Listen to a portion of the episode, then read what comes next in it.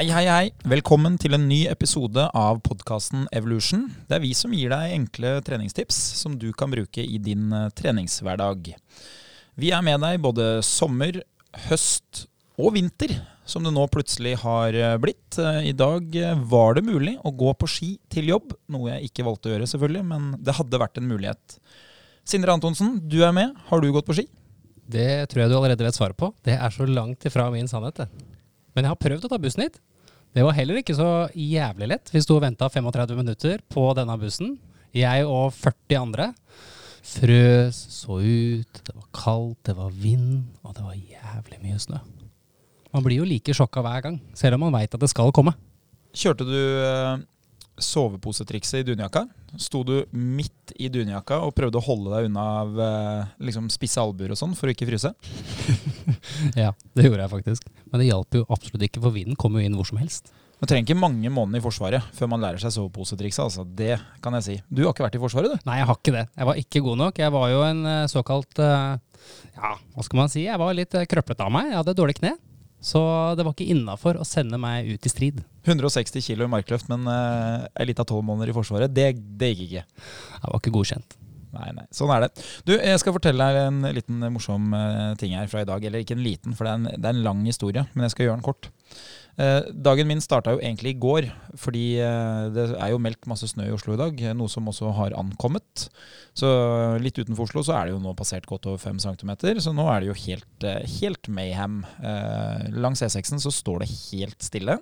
I byen så er det jo da folk med sommerdekk som sklir nedover, sånn som man kan se på sosiale medier og le av fra USA og sånn. Akkurat sånn er det nå i Oslos bygater. Så jeg starta jo dagen i går med å sette igjen én bil. Vi har to biler. Den ene hadde jeg vinterdekk på, den andre hadde jeg sommerdekk på. Så da satt jeg den igjen der jeg skulle skifte dekk i dag, på et sånt eh, dekkhotell. Og det var jo litt taktisk, for i går så var det jo da oppholds. Det var uh, høst, uh, og i dag er det vinter. Uh, og da måtte jeg løpe tilbake igjen i går. Sto opp i dag, tok den bilen med vinterdekk, leverte i barnehagen, dro hjem igjen, tok på meg løpeklær. tenkte oi, det er jo synd på meg som må ut her i snøværet. Og så kom jeg da ned eh, et par kilometer til E6-en, og da skjønte jeg nei, det er jeg som er heldig. Der eh, sto jo alle, eh, og strengt tatt så tror jeg du kunne ha gått ut av bilen og gått til jobb kjappere enn det du hadde fått kjørt i dag. Men det morsomme det skjedde først når jeg da kom meg ned til Økeren, der jeg har dekkhotell. Jeg står jo i fare nå for å fortelle noe om en potensiell lytter.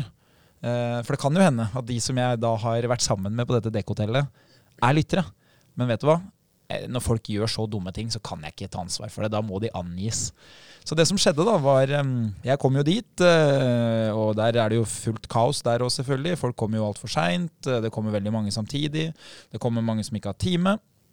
Og det kommer mange med sommerdekk. Og på plassen utafor der så er det altfor mange biler, det er helt polert. Så der begynner folk å krasje i hverandre. Og det er jo perfekt. Det er jo det man drømmer om. Og da kommer det inn ei dame som bare Hun er ganske forbanna, for hun er jo da 20-30 minutter forsinka. Som nesten alle andre er, så det er jo liksom ikke noe unikt. Eh, og han stakkars som jobber der, prøver liksom å si at du får ikke sjekka inn på automaten. Og før han rekker å si du må gjøre det manuelt, så har du, altså hun dama har da tenkt Tre, to, én, fyr. så hun hyler ut 'Jeg er forsinka fordi jeg har sittet fast'. og så tenkte jeg ja, ja, det kan jo skje. Og så fyrer jeg av gårde. For jeg kjører på sommerdekk, og det går ikke på sånt føre som det her.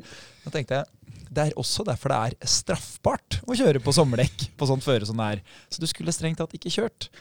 Og så setter hun seg ned ved siden av meg, og så tenkte jeg ja ja, det var jo en opplevelse. Men da starter showet. Da er det en eh, voksen mann eh, i 50-åra som kjører høyttalertelefontrikset. Han velger da en eh, fellessamtale for alle. Vi snakker da 50 stykker for alle. Og det er en eller annen gammel person i andre enden, og han har da tydeligvis amerikansk nummer, så han må da få den andre personen til å si fra når bilen er ferdig, for det er da personen som mottar bekreftelses-SMS-en. Selv om de inne på dette dekkhotellet roper opp når bilen er ferdig. Så du hadde ikke trengt det.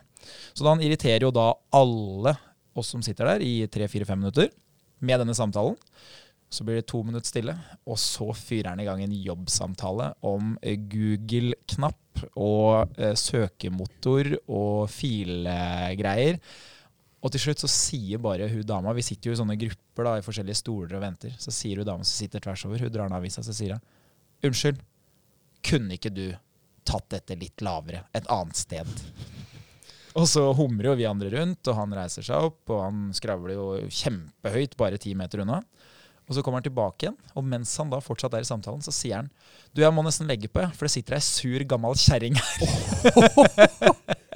Har det vært blåmandag borte hos dere i dag, eller? og da tenkte jeg nå nå er jeg på Valmanns. Det eneste jeg trenger her, er middag, for nå er det dinner and show her, altså. Faen. Og da går en annen mann til angrep da på denne personen for å forsvare hun, og han sier Unnskyld, vi er ikke sure. Vi syns bare du er uhøflig. og eh, jeg skulle gjerne fortalt slutten av historien her, men akkurat da så blei eh, ED 48410 ropt opp. Så tenkte jeg takk, dette er min billett ut av dette. og da når jeg kom ut der med vinterdekk og skulle kjøre inn i sentrum, så var det jo mye enklere, selvfølgelig. For da hadde jo alle andre de hadde jo parkert på motorveien. Så her er jeg. Litt av en reise du har hatt, da.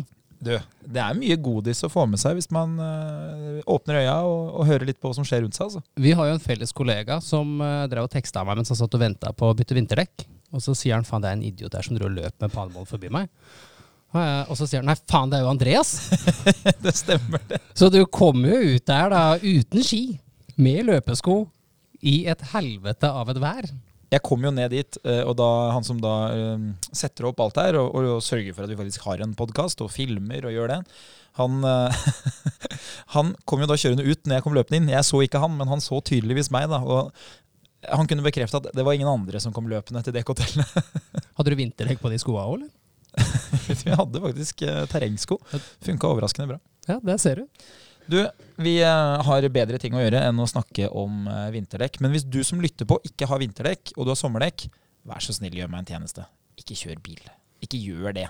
Det er en grunn til at folk mister lappen hvis de blir tatt etter å ha forårsaka litt trøbbel med sommerdekk på det før her. Ok, la oss gå videre til noe som er langt mer spennende.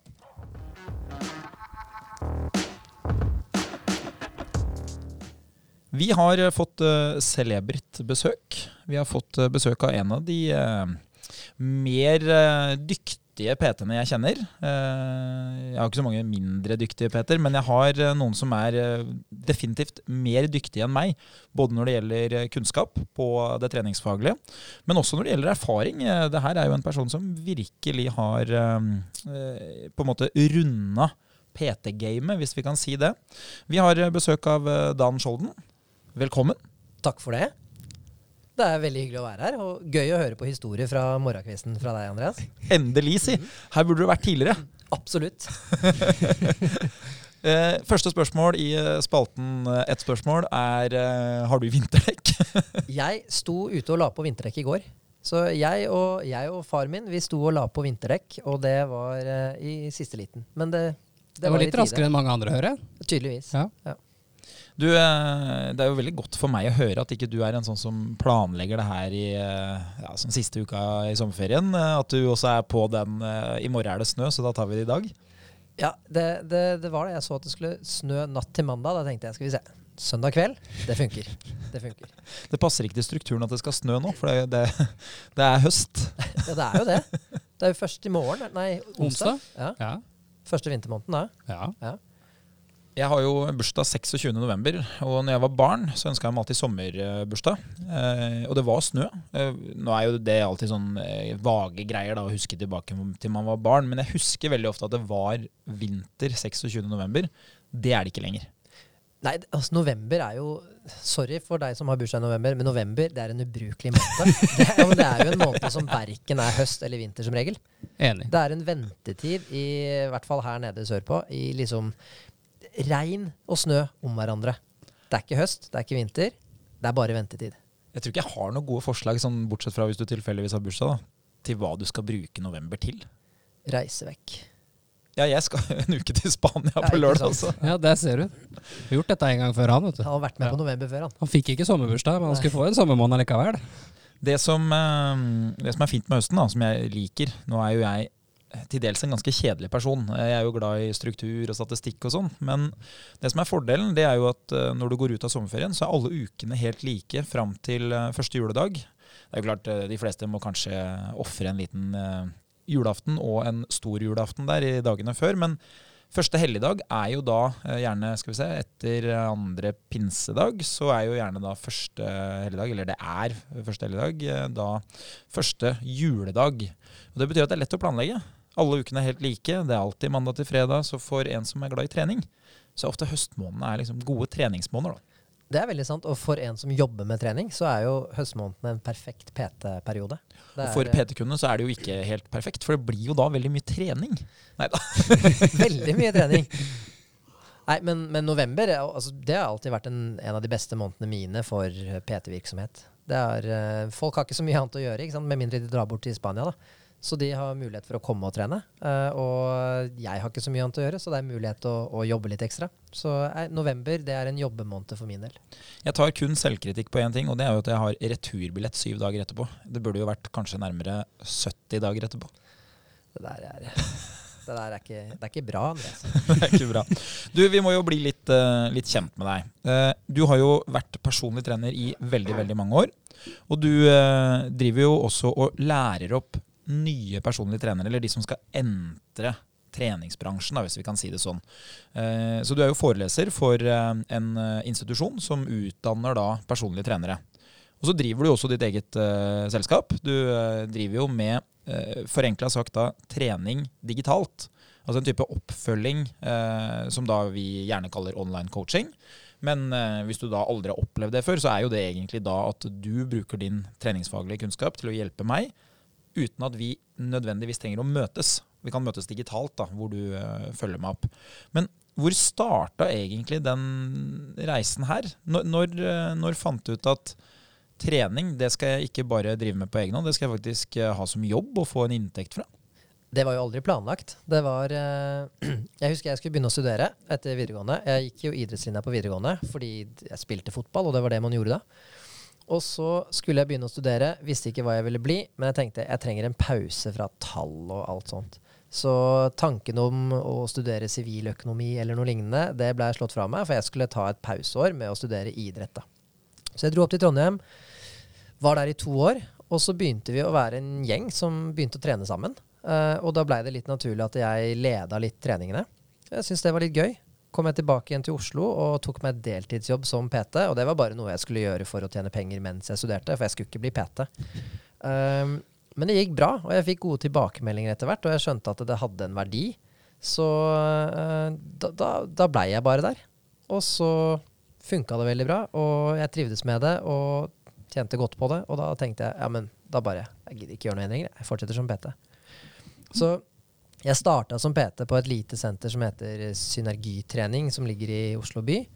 Og så gikk jeg videre til SATS og jobba som eh, både veileder og PT der. Og så gikk jeg videre inn mot uh, å videreutdanne PT-er i SATS-systemet. Før jeg tok turen over til Sterk, som uh, er et tverrfaglig treningssenter, og var PT-ansvarlig der. Og så hoppa jeg vekk derfra, kom inn i EVO, jobber som fysisk PT i EVO, og har da starta opp Premium PT, som er da en digital aktør for helse og trening. Så det har vært en sånn reise som blei til mens man gikk den. Og jeg gikk den, jeg løp ikke som du driver med, Andreas. Det er en veldig spennende bakgrunn. Da. Det betyr at du har møtt uh, veldig mange mennesker. Både vanlige kunder, men også de som jobber i, uh, i treningsbransjen. Hva, hvis du på strak arm skal si liksom, hva, hva er det beste med å være PT? Du som har vært det i så mange år. Det er jo det å, det å være med å se all, En ting er den mestringsfølelsen da, som man, man kan oppleve på nært hold hos veldig mange. Den er jo helt eh, enormt god å se. Og så er det det å, å, vite at du gjør noe som betyr noe for noen. Og det er litt sånn jeg har tenkt at ok, andre jobber det er, Du finner jo masse givende med andre jobber, men for meg, det å vite hvor mye folk får igjen for det de, det de gjør når enten jeg er med dem eller har lagt opp ting for dem, det, er, eh, ja, det, det gir en ordentlig god følelse. Når du begynte med PT, trodde du at det skulle bli så vakkert, på en måte? Absolutt ikke. Som sagt, jeg begynte som PT som en deltidsjobb som var latterlig godt betalt der hvor jeg starta å jobbe. Uh, men jeg skjønte ikke verdien av det at all. Det var det å ta masse betalt for at man skulle få litt større biceps. Det var liksom sånn Herre min, hvorfor, hvorfor gidder folk dette her? Men så er det, og jeg la ut en story om det på, på Instagrammen min, men jeg husker liksom den, det øyeblikket som fikk det til å snu. Og da hadde jeg trent en dame en god stund. Hun var midten av 60-årene. ganske dårlig form. Um, og vi trente og kjørte et sånn veldig standard styrkeopplegg som var på det treningssenteret jeg jobba da. Det var ikke personlig trening, det var, du var personlig med en som fulgte et standard opplegg. Men hun hadde trent da i godt over et halvt år. Hun hadde økt 15-20 kilo i beinpressen sin, og jeg skjønte hvorfor, hvorfor bruker du penger på meg for å bli litt sterkere i beinpressen? Du burde være ute og løpe eller gå. Så kom hun etter vinterferien, og så sa hun at Dan, vet du hva? I vinterferien så har jeg for første gang stått på slalåmski med barnebarna mine. For jeg har alltid måttet sitte i kafeen nedenfor og vente på dem mens de har stått, for jeg har ikke vært sterk nok til å stå på ski. Nå kunne jeg det. Wow. Og da fikk jeg den derre Å ja, så det vi gjør her, det har en verdi utafor det svette treningssenteret, ja. Akkurat. Så det var liksom en av de Det, har, det er én ting til som fikk det til å snu for meg, men det var liksom Det var det øyeblikket hvor jeg skjønte at ok, men så det er en, det er en faktisk jobb, ja. Det er veldig spennende at du, at du sier det, da, fordi eh, i helgen som var, så har jo både jeg og Sindre da eh, forelest for nye studenter. Eh, og vi foreleser jo i det som handler om salg og markedsføring, som gjerne er liksom den, den innledende delen for å skaffe seg de kundene som kan gi de historiene. Og det vi bruker mye tid på å snakke om, er at eh, de som jobber som personlige trenere, de må forstå at eh, de ser menneskene for de fysiologiske behovene, altså hva som kroppen trenger. Men det som ofte er årsaken til at folk eh, har motivasjon for å begynne å trene, eller om de har motivasjon for å bruke personlig trener, det er ofte følelsesmessige årsaker. Så kundene da, de kan gjerne liksom fortelle deg hvorfor de har lyst til å få det til, gjennom å bruke situasjoner, metaforer eller bilder som beskriver liksom endring i opplevelse som er veldig sånn følelsesmessig betinga. Akkurat som det å stå på alpinski, da, som for deg er knebøy beinpress, ikke sant? men som for kundene i ganske stor grad er en veldig sånn svart-hvitt-situasjon. Enten så får jeg det til, eller så får jeg det ikke til. Og hvis jeg får det til, så vil det ha veldig stor betydning for meg. Selv om det kanskje i det store bildet egentlig betyr lite, så vil liksom styrke i lårmusklene skape en helt annen dimensjon. da Uten tvil. Og i det tilfellet der så var det jo det å, det å, øke noen kilo i beinpressen, det gjorde at hun kunne skape gode minner med barnebarna sine. Det, det, er jo en ganske sterk følelse. Og det er en annen gang som også var sånn der OK, greit, dette her skal jeg satse på. Og det var, um, Da jobbet jeg i SATS, og så var jeg medansvarlig på et prosjekt som da skulle følge opp x antall folk over x antall uker i trening av kosthold. Og da var det en, jeg, jeg, skulle ta en prat med dem innledningsvis om hvorfor vil de dette her. da, og Kjørte et lite motiverende intervju og prøvde å finne ut hva er det vi skal oppnå her. Og Snakka med en ung jente. Hun var kanskje i starten av 20-årene. Og hun, um, hun, sa jo det som de aller fleste sier, hun ville komme i form. Ja, ok, Men hva, hva, er form for deg? Hva skal du bruke den formen til? Og da kom det. Og det, det er jo det at eh, hun hadde veldig lyst til å komme seg i såpass god form at hun kunne være med på fjellturen med venninnene til sommeren. Dette her var faktisk i november. Uh, og så, så, OK, men kan du fortelle litt mer om det? Nei, du skjønner, venninnegjengen hennes har gått en sånn fjelltur hvert år. Hun har aldri vært med. Hun har aldri vært med på skoleturer, i verken på videregående eller ungdomsskole eller på slutten av barneskolen, fordi hun har alltid følt at hun er ankeret som drar de andre ned. Så det for henne å få oppleve det og, og få den opplevelsen, det var derfor hun ville gjøre noen tiltak. da. Og for meg så blir det en sånn herre Det der Ja. Vi i PT-bransjen vi har veldig ofte, føler jeg, da, et litt sånn snevert syn på treninga. Fordi jeg skal bli sterk i knebøy, fordi da blir jeg sterk i knebøy. Og det er gøy.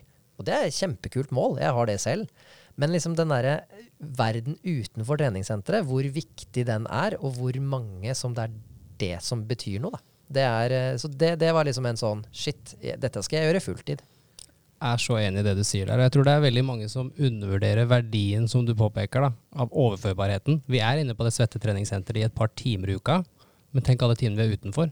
Yes. Og det å da kunne stå på slalåm, det å kunne bære posene, eller sånn som nå når snøen har kommet, og det er litt glatt, det å ha stabilitet og styrke nok til å ta seg imot hvis man snubler litt. Ja.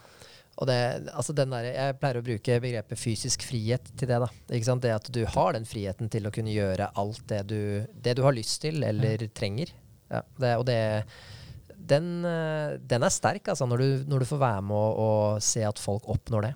Det er så surrealistisk. Det er jo kanskje eh, det som veldig mange ikke forstår, da, altså hvis du er medlem på treningssenteret i Norge. Det er jo ca. 1 million eh, medlemmer. Det utgjør sånn røftlig litt over 20% da. litt ut fra hvordan du måler det. Om du fjerner da alle barn som ikke skal være med i regnskapet, så, så kan du være oppe sånn nesten 25 Men det som, eh, det som er en sånn type fordom, er jo at PT-en er alltid godt trent, eh, og de forstår meg ikke. Og det skjønner jeg jo. Det ville jo jeg tenkt òg. Altså hvis jeg hadde blitt sendt inn på et dansestudio, så det å hive inn verdensmesteren i dans, det ville jeg tenkt han, han, forstår ikke meg. Eller hun forstår ikke meg. For jeg har ikke tenkt å være her, egentlig. Jeg har eh, blitt trua hit. Eh, nå er dette en fiktiv historie, så jeg håper ingen fanger opp den her. Men, eh, men, det vi ser, da, det er jo at veldig mange av de dyktige personlige trenerne som, som hjelper veldig mange ulike mennesker, de tenker ikke på vegne av seg selv lenger. De tenker på vegne av kundene. Fordi din referanse er ikke lenger du vil bli god i knebøy, det er jo noe du driver med privat, som du på en måte tenker at ja, det er viktig for meg. Men du er kanskje enda mer bevisst at den motivasjonen, den er jo ingen andres.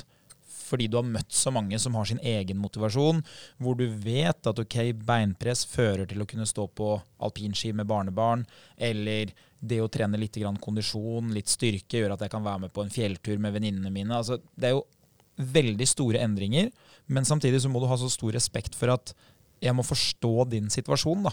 Og det skjønner jeg jo at veldig mange av eh, medlemmene, eller de som ikke er medlem på treningssenter, som kanskje er enda lenger unna, som ikke engang vet at PT kanskje er en mulighet, at man ikke klarer å sette seg inn i det. Men det er på en måte jobben til den profesjonelle. Samtidig så må jo da òg de profesjonelle være bevisst at man må prøve å senke den terskelen ned. da. Og det, det, føler jeg jo kanskje er en av de tingene som, eh, som du er dyktig til. da, At du kan møte kundene på det nivået kunden er. Jo, takk for det. Og det er jo en ting som jeg har prøvd å holde fokus på. Og det er litt sånn Der, der kom jeg jo fort inn i den der at jeg var Kall det ubevisst dyktig, da. Ikke sant? Jeg hadde noen styrker der som jeg ikke helt visste om, men som tydelig gjorde at jeg fikk en god relasjon til kunder og klarte å forstå dem godt. Og det er jo noe jeg har jobba mer med å, å videreutvikle. Og den det er som du sier, ikke sant? den der tanken om at uh, veldig mange ser jo på PT-ene som de er jo de er fagfolk, de er gode på det de driver med. De klarer ikke forstå meg som ikke er godt trent. Det er jo også litt av grunnen, tenker jeg, til at den vanligste unnskyldningen for å ikke bruke PT, er jo 'jeg må komme i form først'. Um, så der tenker jeg at det å, det å, prøve å bevisst gå inn for å, å fronte uh, at man har forståelse for andres situasjon, at man ikke nødvendigvis bare går inn for å vise fram seg selv, hvordan man ser ut og hvor sterk man er i sosiale medier, det tror jeg kan være en lur strategi hvis man vil jobbe med den kundegruppa. da.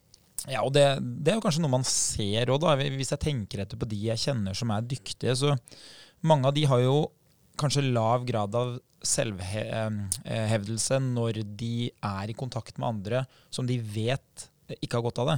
Altså De kan godt være eh, gode til å fremme seg selv hvis det hadde vært oss tre de møtte, men med en gang de har noen til stede som på en måte kanskje er eh, ufaglært, eller som da er et vanlig medlem som kunne trengt hjelp, så har de ikke noe behov for å fremme seg selv. Og så kanskje de har en eh, porsjon selvironi. Og det er ofte sånne ingredienser som man ser hos mange av de dyktige PT-ene. At eh, de får timene til å handle om kunden, og ikke meg. Og det blir jo litt sånn som i, i, mitt tilfelle, så det hadde jo vært lett å tenke at alle mine kunder løper. Men for meg er det jo kanskje enda viktigere å prøve å unngå at de hele tida skal drive og løpe. fordi jeg vil ikke at de skal føle at pga. hva jeg gjør, så skal de gjøre det. Så ender de jo gjerne opp med å løpe, men det skyldes jo mer at de blir interessert i hva jeg driver med privat. da. Altså Når de får med seg at ja, du har vært og løpt maraton, så tenker jo de sikkert litt ubevisst at du gjør det, så derfor så må det jo være bra. Jeg vet ikke, Har du opplevd det? At det du driver med på trening og det du liker, er plutselig noe kundene dine også liker?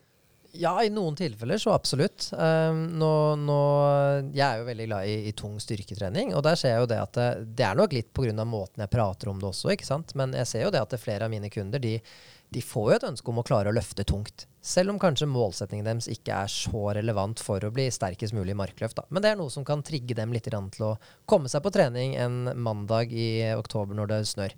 Um, så jeg tror jo det at Hvis man først har klart å skape den tilliten og relasjonen, så vil jo mange bli motivert av, uh, av det du driver med. ikke sant? At folk ser, ser, at shit, Andreas er en bra fyr, han forstår meg, og ser hvor god han er på å løpe. Det virker som en kul ting å gjøre.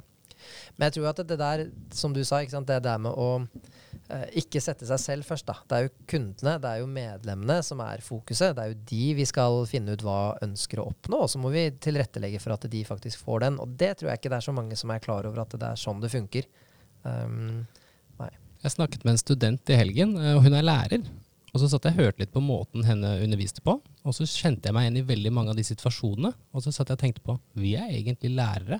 Det er veldig mange som er opptatt, som du sier, av å ha fokuset på seg selv. Men en lærer har aldri fokus på å vise at de kan algebra, hvis du skal lære gangetabellen. Det er akkurat det. Og jeg husker ikke om det var, eh, om det var din Sommerseth som, som uh, sa det, men uh, vi er jo egentlig gymlærere for voksne.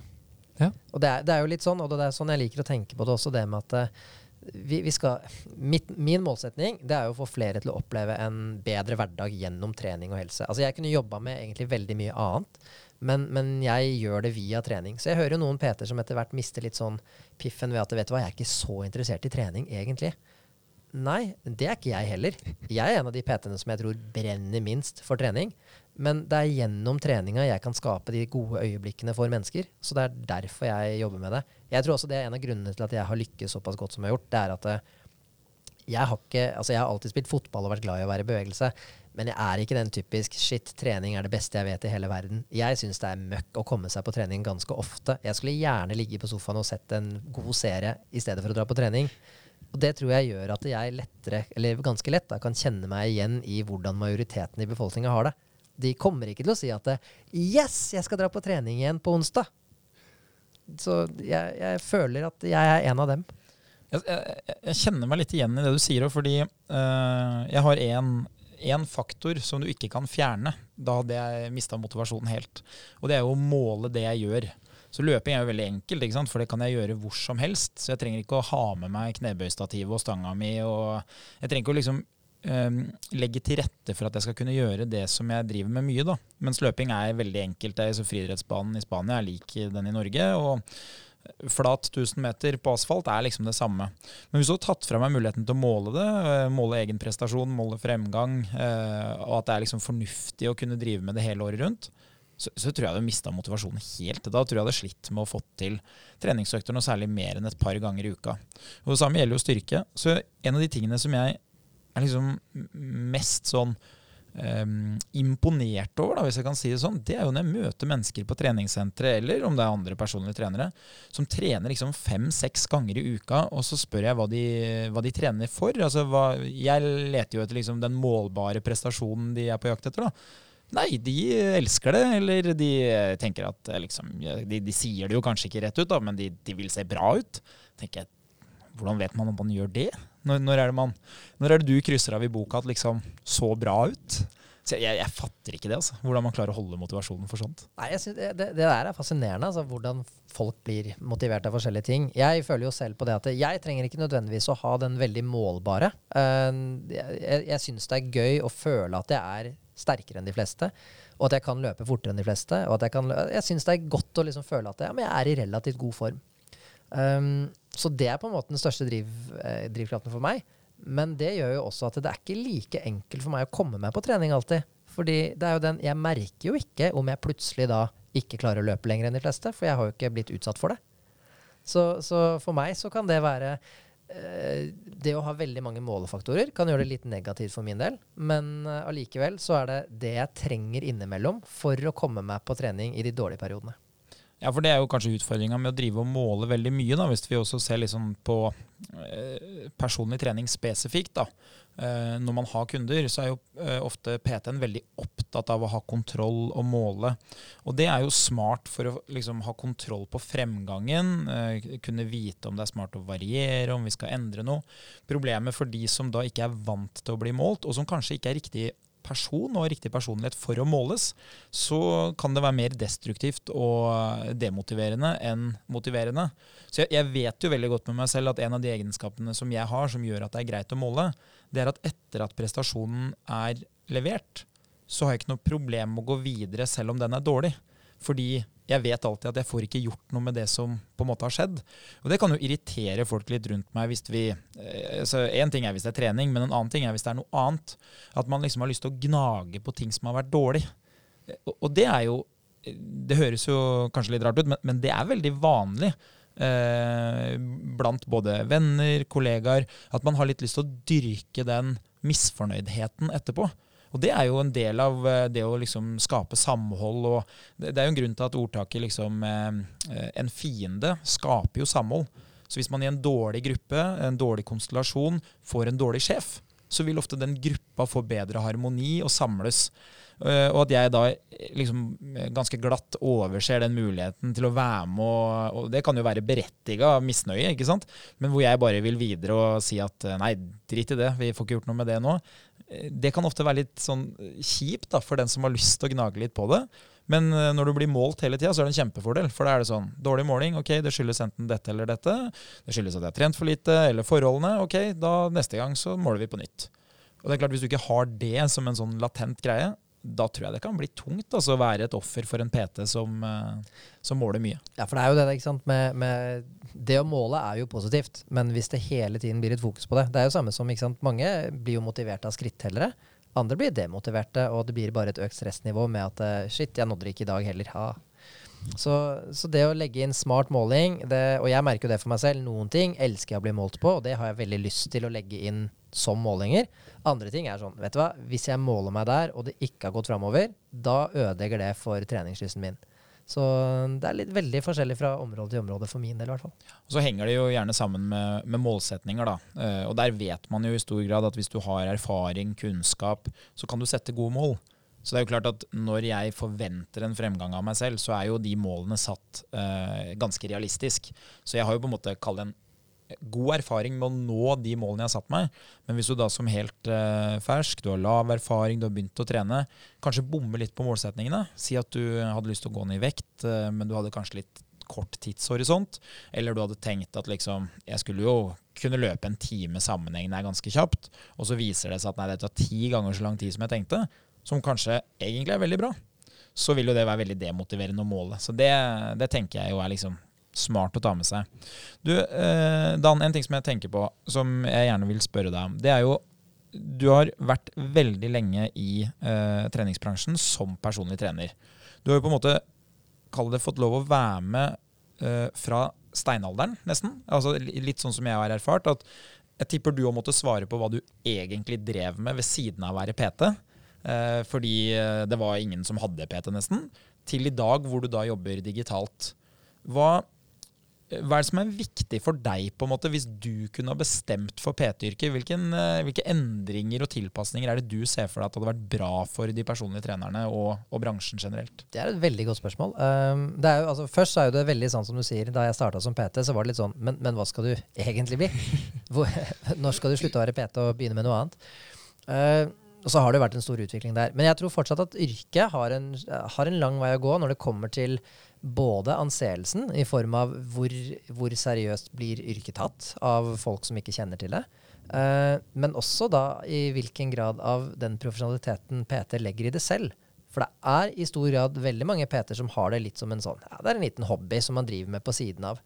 Og, og jeg tenker at det at PT-er selv og aktører er med på å profesjonalisere og lage gode rammer rundt, som gjør at det blir en høyere grad av seriøsitet i yrket, det tror jeg vil være utelukkende positivt. da. Hvordan vi skal gjøre det, det er jo det store spørsmålet. ikke sant? Om det skal være, eh, skal det være garantilønn, som, som, flere jobber for, det byr jo på en del utfordringer. Eh, om det skal være i form av at man etablerer et, et, forbund, om det skal være enda klarere rammer, det er jo sånne ting man må finne ut av. Men jeg tror det første man må starte med, det er jo flere PT-er må begynne å behandle det som et seriøst yrke, framfor en liten hobby fordi man syns det er gøy å trene. Jeg vet ikke med deg, Sindre, for du, du er jo da, kall det den siste rekrutterte av oss. da. Du har jo kommet inn på et tidspunkt hvor eh, kanskje man i samfunnet var mer forståelsesfulle for at man hadde inntekt enn det som var tidspunktet når vi begynte. Men um, det som jeg tenker da, det er jo liksom uh, I dag er det en jobb. Uh, det vi prøver å vise, det er jo at vi uh, gjør noe som ligner mer på noe medisinsk. Altså Vi behandler folk uh, sånn at de faktisk holder seg friske. Men så observerer jeg jo òg eh, blant studentene at vi rekrutterer jo veldig mange som er ekstremt glad i trening, og som kanskje liksom tenker sånn Hobbyen min er jo å trene. Hvis jeg kan tjene penger på å fortsette å leve livet som toppidrettsutøver, som jeg egentlig gjør, fortsette å legge ut bilder på Instagram som skaper god oppmerksomhet, som gir meg god selvfølelse, så hadde det vært perfekt, liksom. Og hvis jeg i tillegg kan jobbe fra hvor jeg er, uh, når jeg vil, på nett, så begynner vi å snakke at uh, da er jeg som en milliardær som har det gøy. Hva, hva, var din motivasjon for å bli PT, egentlig? Det er veldig morsomt at du spør, for jeg husker at når jeg begynte idet jeg skulle søke, så var det fortsatt sånn at du kunne ha Det var vel sånn to måneders utdanning, tror jeg var liksom kravet idet jeg begynte. Så kunne jeg velge mellom et halvt år, for det var snakk om da at om et par måneder så kommer vi til å kreve et halvt år i hele bransjen. Men det var også mulig å ta et årsstudium. Og jeg tenkte jo at faen, det er det jeg må ta. Og det er av flere grunner. Jeg har jo fått lov til å være i trenerrollen som basketballtrener. og Jobbet med barn og ungdom, men også noen voksne. Og jeg så verdien av å møte mennesker. Og litt sånn som deg, Dan, så syns jeg det er utrolig gøy å jobbe med mennesker. Og jeg skjønte jo det at det er jo ikke jeg som skal synes nå. Det har jeg fått lov til å gjøre på basketbanen. Ikke at det var så jævlig bra, altså så ikke bra ut, men jeg fikk lov til å, der fikk jeg være fokus. Der fikk det handle om meg. Men når du er trener, så handler det ikke om deg lenger. Da handler det om alle som er på den banen og skal føle mestring. Nå skal de få lov til å være den ene som skal få kjenne på å bygge selvfølelse. De skal kanskje vokse litt. De skal få lov til å se at de får til ting de ikke trodde. Og når jeg møter de barna i dag, så skjønner jeg jo at det er jo ikke rart at jeg har valgt dette treneryrket. For jeg ser at den ene erfaringen de hadde med at de kanskje vant gutte 16 B-serien, eller opplevde en kamp de ikke trodde de skulle få til, det var samme grunn til at jeg ville bli personlig trener.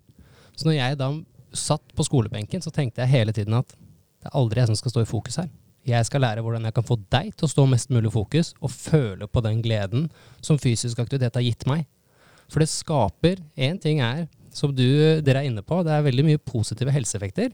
Men det du kanskje har vært tydeligst på, Dan, og som jeg òg er helt enig med deg det er de positive erfaringene du tar med deg videre. Som du begynner å utfordre deg selv i hverdagen. Oi, nå gikk jeg slalåmbakken. Nå turte jeg å stå på slalåm med mine barnebarn. Det kan du ikke sette en prislapp på. Og jeg tror at det er nok hovedgrunnen til at jeg ville inn i det yrket her. altså.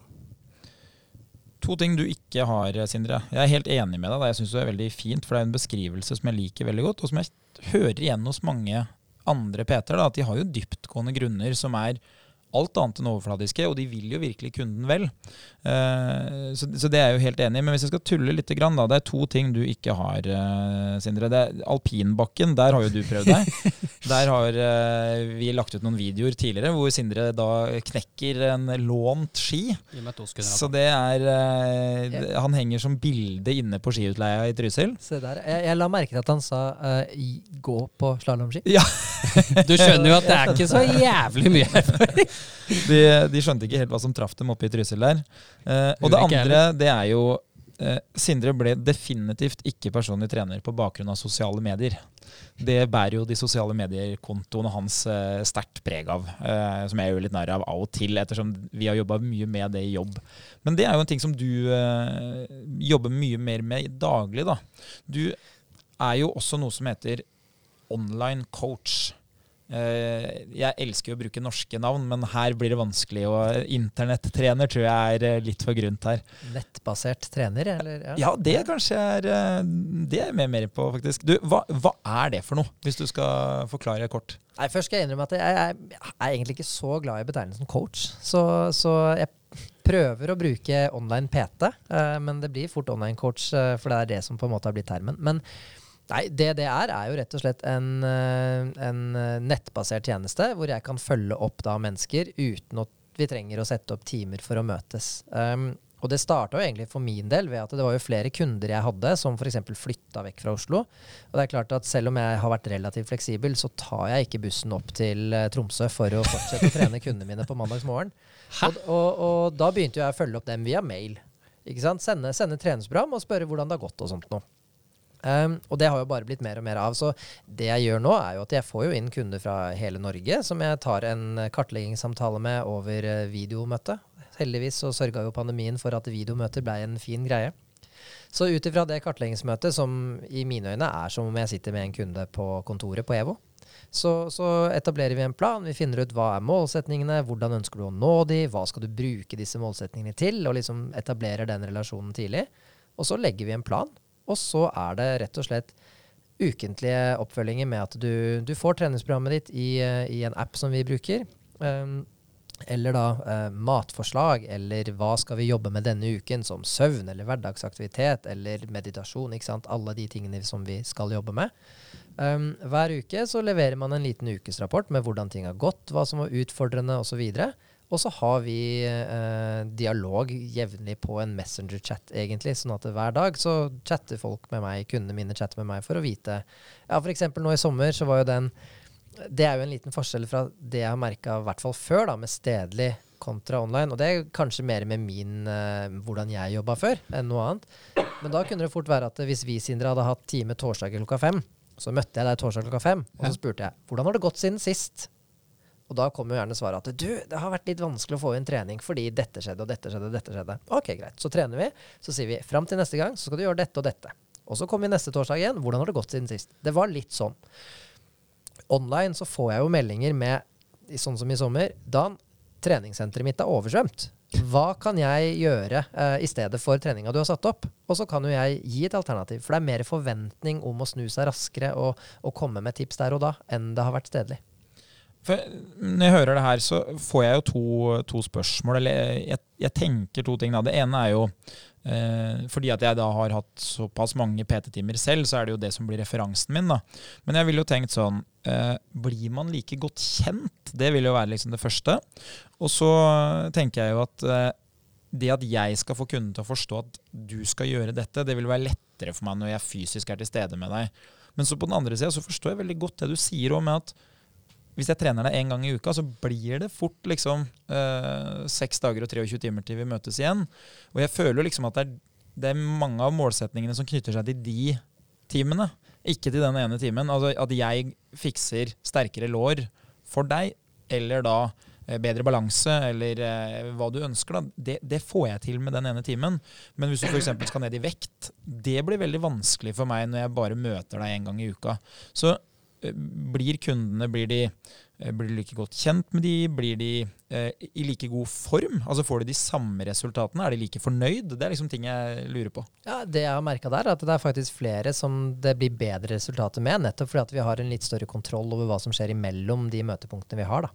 Så um, for, for veldig mange så er det jo ikke innsatsen de legger ned på trening som er problemet. Det er jo utfordringene med å komme seg på trening hvis det snør. Eller det å spise bedre når ting dukker opp. Når det plutselig er en bursdag som dukker opp helt uventa. Den har man ikke visst om før. Eh, alle de tingene, den har vi bedre kontroll på online. For det er, det er meningen at vi har liksom full oversikt egentlig over ukene framover i tid. da. I en mye større grad enn hvert fall det jeg har hatt som stedlig PT før. Nå prøver jeg jo eh, å, å eh, få den mer at, at det blir en kombinasjon der. Så veldig mange har fått mye bedre resultater, faktisk. Um, men jeg merker jo også det at eh, jeg er definitivt veldig mye bedre på gulvet når det kommer til det å skape relasjon, skape de gode øyeblikkene. Jeg er jo også en ganske uh, Jeg kom jo med jeg kommer jo med mye kommentarer, ikke sant? og det er ikke alltid de eh, tolkes på samme måte hvis jeg kommer med de skriftlig. Så, så jeg har jo jobba med den omstillinga fra å være en, en på gulvet-PT til å bli online, og det går bedre og bedre. Jeg bruker jo da Jeg sender ut videoer, jeg tar samtale med dem enten på telefon eller da på videomøte for å få litt den relasjonsbyggingen. Og prøver å gjøre det litt mer enn bare et treningsprogram. Men eh, jeg kommer aldri til å kutte ut å være eh, PT på gulvet, for det gir både meg så mye, eh, og det gir mange kunder mye mer enn de ville fått online. Fordi de trenger det høydepunktet, rett og slett der. Ja, Det var litt det vi prata om før episoden, Dan. Ja, og det er noe jeg lurer på om du kan forklare meg litt. I forhold til de kundene du møter online, er det de samme du har fysisk, eller ser du en forskjell i at de f.eks. da, i og med at det blir mye mindre av den personlige oppfølgingen som du nevner, da, er de mer selvdrevne og vant til å holde på med treningen? Ikke nødvendigvis når vi starter, men Nei. de blir det. Ja. Så um, det er definitivt en fordel å være litt selvdreven når man begynner med det, men der tenker jeg at det, det er jo veldig opp til meg som PT da, å, å mm, finne måter som gjør at de klarer å, å være mer selvdrevne etter hvert. Ehm, det er noen av de jeg har stedlig som aldri ville ha hatt nytte av online. Ja. Uh, rett og slett fordi at det de trenger, er et fysisk oppmøte. De trenger å ha den sosiale biten, og det vil de ikke få online, rett og slett. Det er også grunnen til at jeg tror at uh, jeg hører jo folk spekulere ikke sant, om at ja, kanskje PT-yrket forsvinner stedlig, for det blir mer og mer online. Og det har jeg, det, den er jeg ikke med på i det hele tatt. Jeg tror det kommer til å bli mer marked for stedlig PT, rett og slett fordi vi lever i et samfunn hvor vi blir mer og mer ensomme bak skjermen. Det er jo et av de største problemene i det vestlige samfunnet nå, at vi lever jo mer og mer ensomme bak en skjerm. Vi trenger kanskje enda større grad de sosiale møtepunktene. Og det tror jeg bare kommer til å bli mer og mer tydelig framover, da. Opplevde du det i pandemien? At det ble et mye større behov for å prate på de fysiske PT-ene du hadde? Ja, Ja, det, det gjorde jeg. jeg Og- gjorde det. Og jeg har jo en del PT-kunder som, som eh, Det er ikke nødvendigvis treningen de bruker meg for. Altså jeg, Noen av PT-kundene mine vet jo jeg mer om både dem og familien deres enn jeg vet om meg selv og min egen familie. Så det er mye prating. Vi blir kjent på en helt annen måte og går langt forbi det er det tre ganger åtte eller tre ganger ti vi skal gjøre i dag. Det er rett og slett at det er et kjøkken som har blitt bestilt, som ikke har kommet fram fire uker etter at Det er de tingene vi prater om, da. For det er Jeg er kanskje den de har å dele bekymringer med. Ja, for, for, det som jeg um, tenker da, sånn stort sett for mange av de jeg har trent opp gjennom årene, er jo at uh, noen av de er selvgående, eller blir selvgående. Uh, de setter jo veldig pris på å ha treningsfaglig kunnskap på det nivået som de har kommet, fordi de er interessert i det. De vet at det er bra for helsa. De vet også at det vil dukke opp utfordringer hvor de trenger noen å spare med. Uh, og samtidig så har det blitt en vane som de kanskje ikke helt tør å gi slipp på. Og så har du jo da eh, de som du snakker litt om i stad, som egentlig trenger meg til oppmøte. De tenker jeg jo kanskje, de har jo en liten vei å gå hvis de skal begynne med type online-oppfølging. fordi eh, det er jo en, en klassisk eh, problemstilling at hvis de ikke gjennomfører det, så vil heller ikke resultatene komme. Men eh, jeg bare tenkte litt sånn på det. Hvis du sier at du har én PT-time i uka, så bruker man jo fire timer ikke sant, cirka da, hver måned. Og det er jo klart Hvis du kan disponere de fire timene annerledes enn å fysisk møte meg, og jeg er selvgående, så, så, kan man jo få ganske god oppfølging. Altså det, det, vil jo bety at jeg kan jo eventuelt møte deg åtte ganger en halvtime, eller jeg kan jo møte deg bare én time, men du kan lage treningsprogram til meg, kanskje du kan hjelpe meg med noen andre utfordringer. Så uh, hvordan er det eh, i forhold til Hvis man sier at prisen da på, på PT-time på gulvet er la oss si et sted mellom 600-700 kroner til en tusenlapp. Da ligger man på sånn 2500-4000 hvis man trener én gang i uka i måneden. Men hva, hva ville det kosta meg hvis jeg skulle hatt uh, en uh, personlig trener på nett som kunne ha fulgt meg opp? altså sånn Generelt i markedet så er det veldig store forskjeller i pris. Eh, og det er jo også veldig store forskjeller på hvilke, hva er det du får igjen for det. Eh, for for noen så handler det om å få et treningsprogram. Uh, mens for andre så er det jo ikke sant, man bruker mange timer i løpet av uka. Så uh, til de som på en måte sjekker opp online-Peter og vurderer pris, så må man se men hvilket produkt er det man får. Bare så det er sagt. Uh, I Premium-PT så har vi valgt å legge oss på at hvis du skal ha oppfølging på kun trening eller kun kosthold, så koster det 2100 i måneden. litt lavere om du går for en litt lengre periode. Eller hvis du skal ha kombinert oppfølging, som er det de fleste eh, vil ha og kanskje har nytte av, så ligger det 600 kroner dyrere. Så da ligger det på 2007, eller litt lavere hvis du går for en lengre periode. Og de prisene, de Jeg syns jo det egentlig er altfor billig i forhold til den tiden som blir lagt ned. Fordi eh, man snakker om at ok, kanskje du kan bruke en time i uka, men det går jo fort mer enn det. da. Du sitter og Jeg vet at mange online-Peter ikke nødvendigvis gjør det, men man sitter og oppdaterer programmer. Man sitter og svarer i chat. Man lager f.eks. matforslag eller dokumenter om søvn, eller finner andre måter, som du sa, Andreas. Det å følge opp annet enn bare den ene treningstimen. Um, så, så, det er ca. der prisene ligger. Ja, så tenker jeg jo Det er en vesentlig forskjell. Nå, nå kjenner jo jeg deg ganske godt. og jeg vet jo at hvis, det, hvis jeg hadde kjent noen som trengte oppfølging, så kunne jeg trygt ha anbefalt det til deg. Og så vet jeg jo at du mest sannsynlig hadde gjort mer for de enn det de strengt tatt kanskje har betalt deg for. Uh, men jeg vet jo også på motsatt side, som du beskriver, at det finnes jo en del som uh, lager treningsprogram. Og det er jo på en måte viktig å si at det er jo to forskjellige ting. Det at jeg går inn på nett og bestiller et treningsprogram, øh, kanskje jeg bestiller det med en type oppfølging som gjør at treningsprogrammet endrer seg etter en viss tid. Det er ikke noe personlig oppfølging. Det vil jo være sånn at hvis jeg da får spørsmål underveis som dukker opp, si oi, hva gjør jeg når jeg har vondt i skuldra mi og ikke kan gjøre den øvelsen, eller hva gjør jeg hvis jeg nå fant ut at øh, trening er veldig gøy. Styrketrening er veldig bra for meg. Jeg kunne tenkt meg å løpt litt mer. Men jeg begynner å skjønne at kanskje jeg må gjøre et eller annet med kostholdet mitt også. Da vil på en måte den som du har kjøpt treningsprogram av, ikke hjelpe deg med det. det. det. vil på en måte ikke være en ingrediens i det de tilbyr. Mens hos deg så vil jeg jo da eventuelt kunne få deg til å hjelpe meg med det, eller noen andre som du jobber med. Yes. Så, så, jeg kan på en måte få en sånn fullverdig oppfølging da, som vi vet at passer mye bedre til de utfordringene som du kommer til å møte på, da, som er liksom helt generelle utfordringer. Ja, og, men Det er et marked hvor det er, eh, det er ganske nytt marked, så det er jo stor variasjon i hva som tilbys og hvordan det tilbys. Og der er det bare det at eh, sjekk ut hva man, hva man, får igjen, og hva som blir tilbudt. For det, det, er greit å ha forventningsavklaringer, og det er jo en ganske enkel ting å gjøre stedlig. Det er liksom, De fleste stedlige P3 er flinke til det. Og så kan det godt være at litt av den forventningsavklaringen kan forsvinne litt hvis man bestiller noe over nett. Da. Er, jeg vet jo selv hvor enkelt det er for meg å sitte og netthandle og bestille noe uten å nødvendigvis forplikte meg noe mer. Så ja. Eh, på den ene sida så, så, ser jeg jo at uh, en utfordring i markedet kan jo være useriøse aktører. Og det, gjelder jo stort sett for alle. ikke sant? Om du driver som PT på et treningssenter, eller om du driver med noe helt annet, om du driver med nettbutikk, så er jo et problem at noen andre prøver å lure deg for penger. ikke sant? Så, så du vil jo alltid ha den uh, problemstillinga. Men foreligger det en problemstilling i at kanskje flere hadde trengt en sånn type oppfølging, men ikke evner å få det til digitalt? Altså, litt eldre aldersgrupper, eller de som kanskje ikke har den tryggheten i å netthandle, liksom. Opplever du det, at det, det finnes en begrensning i, eh, i etterspørsel der? Eh, både ja og nei. fordi jeg har hatt kunder som har vært opp mot uh, Eldste jeg har hatt online, er vel par og 70 år. Og, og, det har fungert kjempebra. Men det er klart at jeg, jeg tror nok det er en litt større terskel for mange. Ikke sant? Og det er jo sånn at Jeg er jo 80 år gammel eh, hvis vi snakker om digitalt. Jeg skaffa meg bank-ID eh, på mobil for jeg vet ikke, halvannet år siden. Jeg brukte brikka fram til det. ikke sant? Og, og, og, man ser jo den, der, den tekniske kompetansen er jo veldig forskjellig. Og så er det noen som sliter med synet, og da er det jo vanskelig for dem å følge en app på en mobil.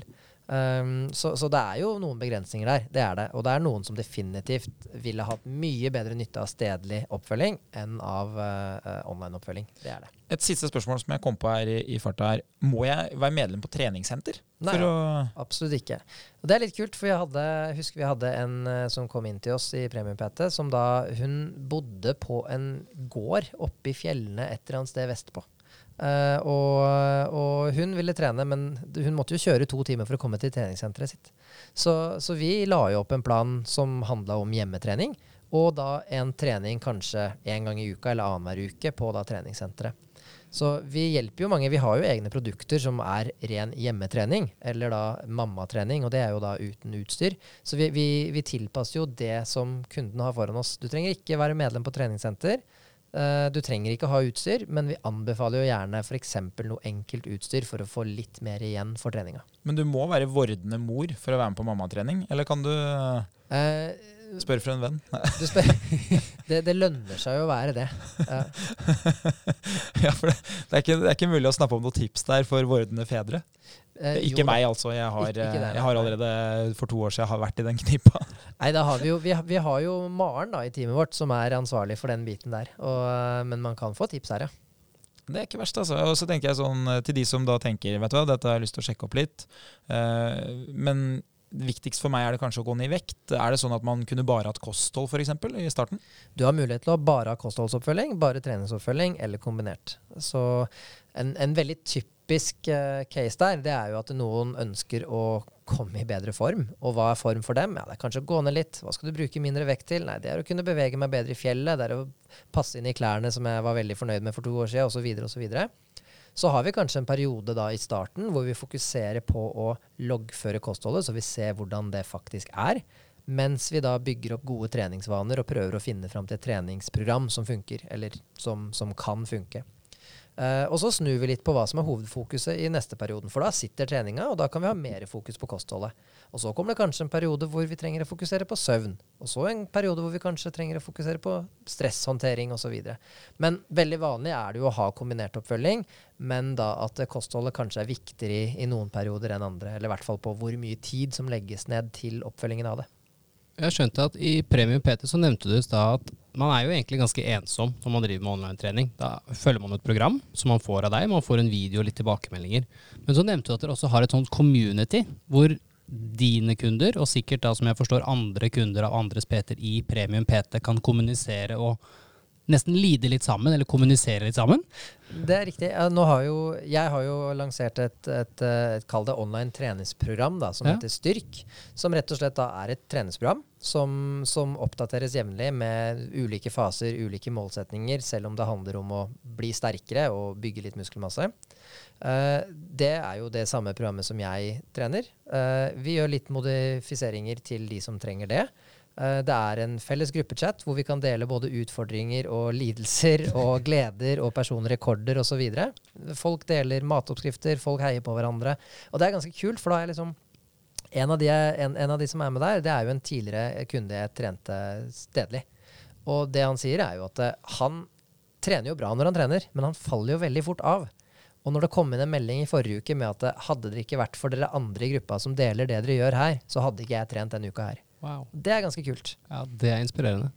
Så, så der har vi bygd opp et lite community. Og vi har andre produkter også som da har, bygger opp det samme. Så vi har Camilla, som også jobber i EVO. Hun har jo et lavterskeltilbud som da handler om dette samme, med da for å få folk i gang. Og der er det gjerne en del med, mm, som har f.eks. kroniske sykdommer, hodepine, migrene osv., som da er eh, en del av et community og, og trener sammen og chatter sammen og jobber mot noe sammen og, og støtter og heier på hverandre.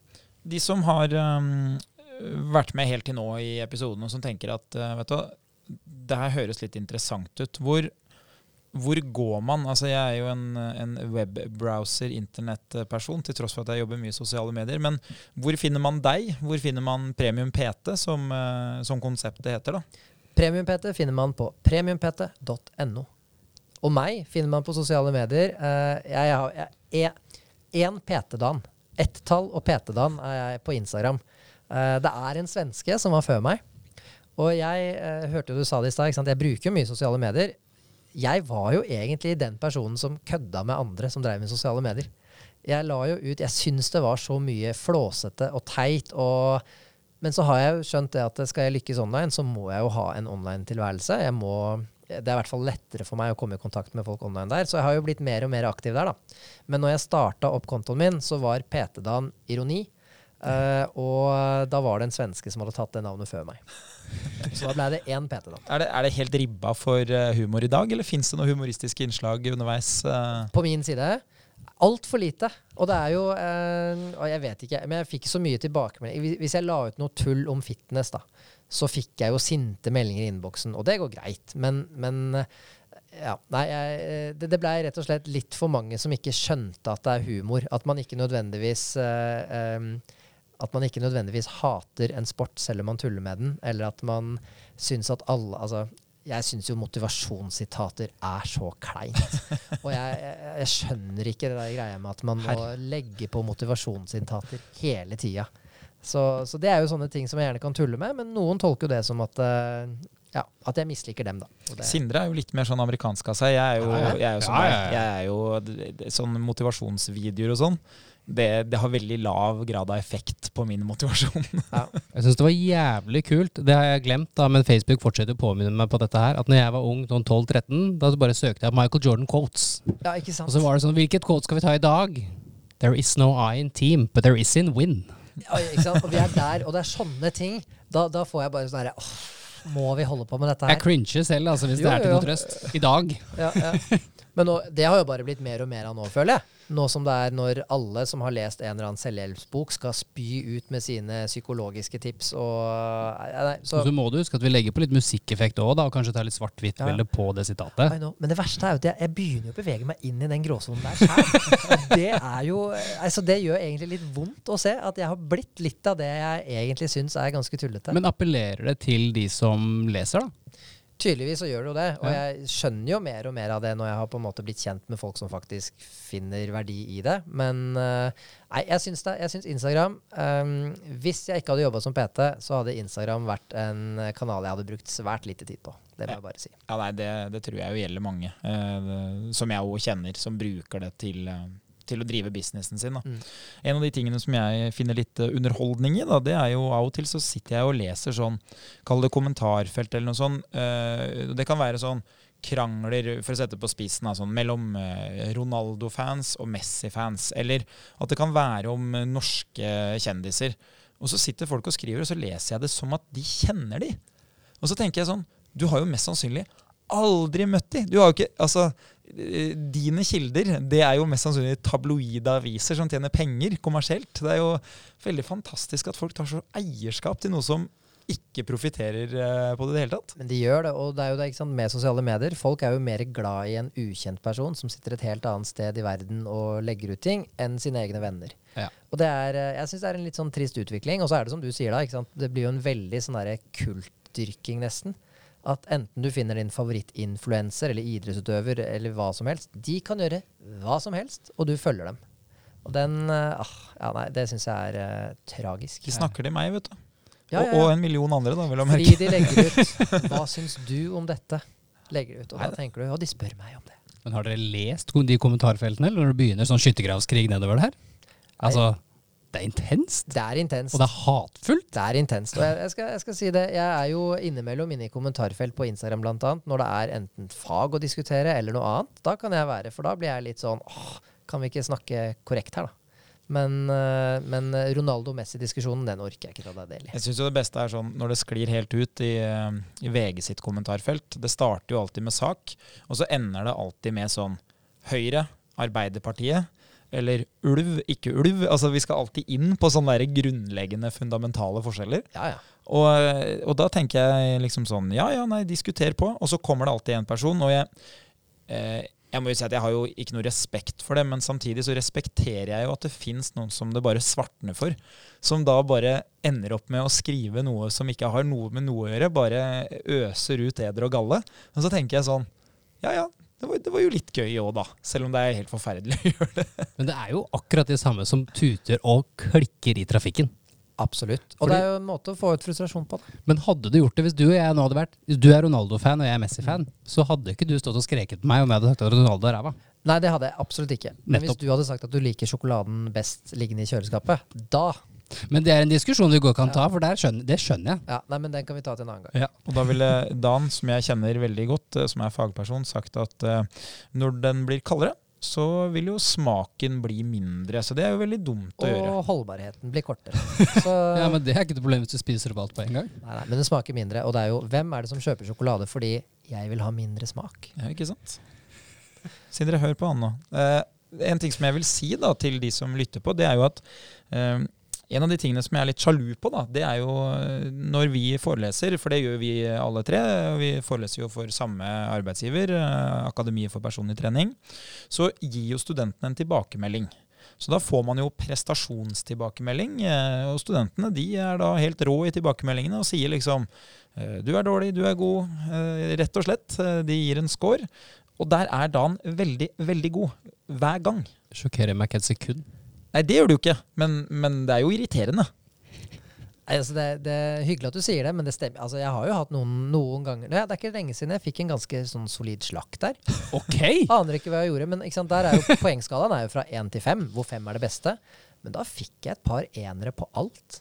Oi. Og da veit jeg ikke om jeg har hatt veldig spissa albuer eller hva jeg har gjort, for jeg fikk ikke noen tilbakemeldinger på hvorfor jeg ble vurdert dit. Det var motivasjonsquote, Instagram. Ja, Jeg tror det var en av dine gode vitser jeg, som ikke traff eh, Ja, der det, den skulle. være, det kan godt være. Men nei, jeg gjør det ganske bra der, og det er, eh, ja, det er jo Det syns jo dere også, det veit jeg. Det er jo en helt fantastisk jobb å kunne undervise for de som ønsker å jobbe med det vi brenner for, da. Ja. Så, ja. Jeg syns jo liksom den muligheten til å møte noen som er veldig usikre, og som begynner å jobbe, du møter de igjen, de er sikre, men så får du også høre deres kundehistorier.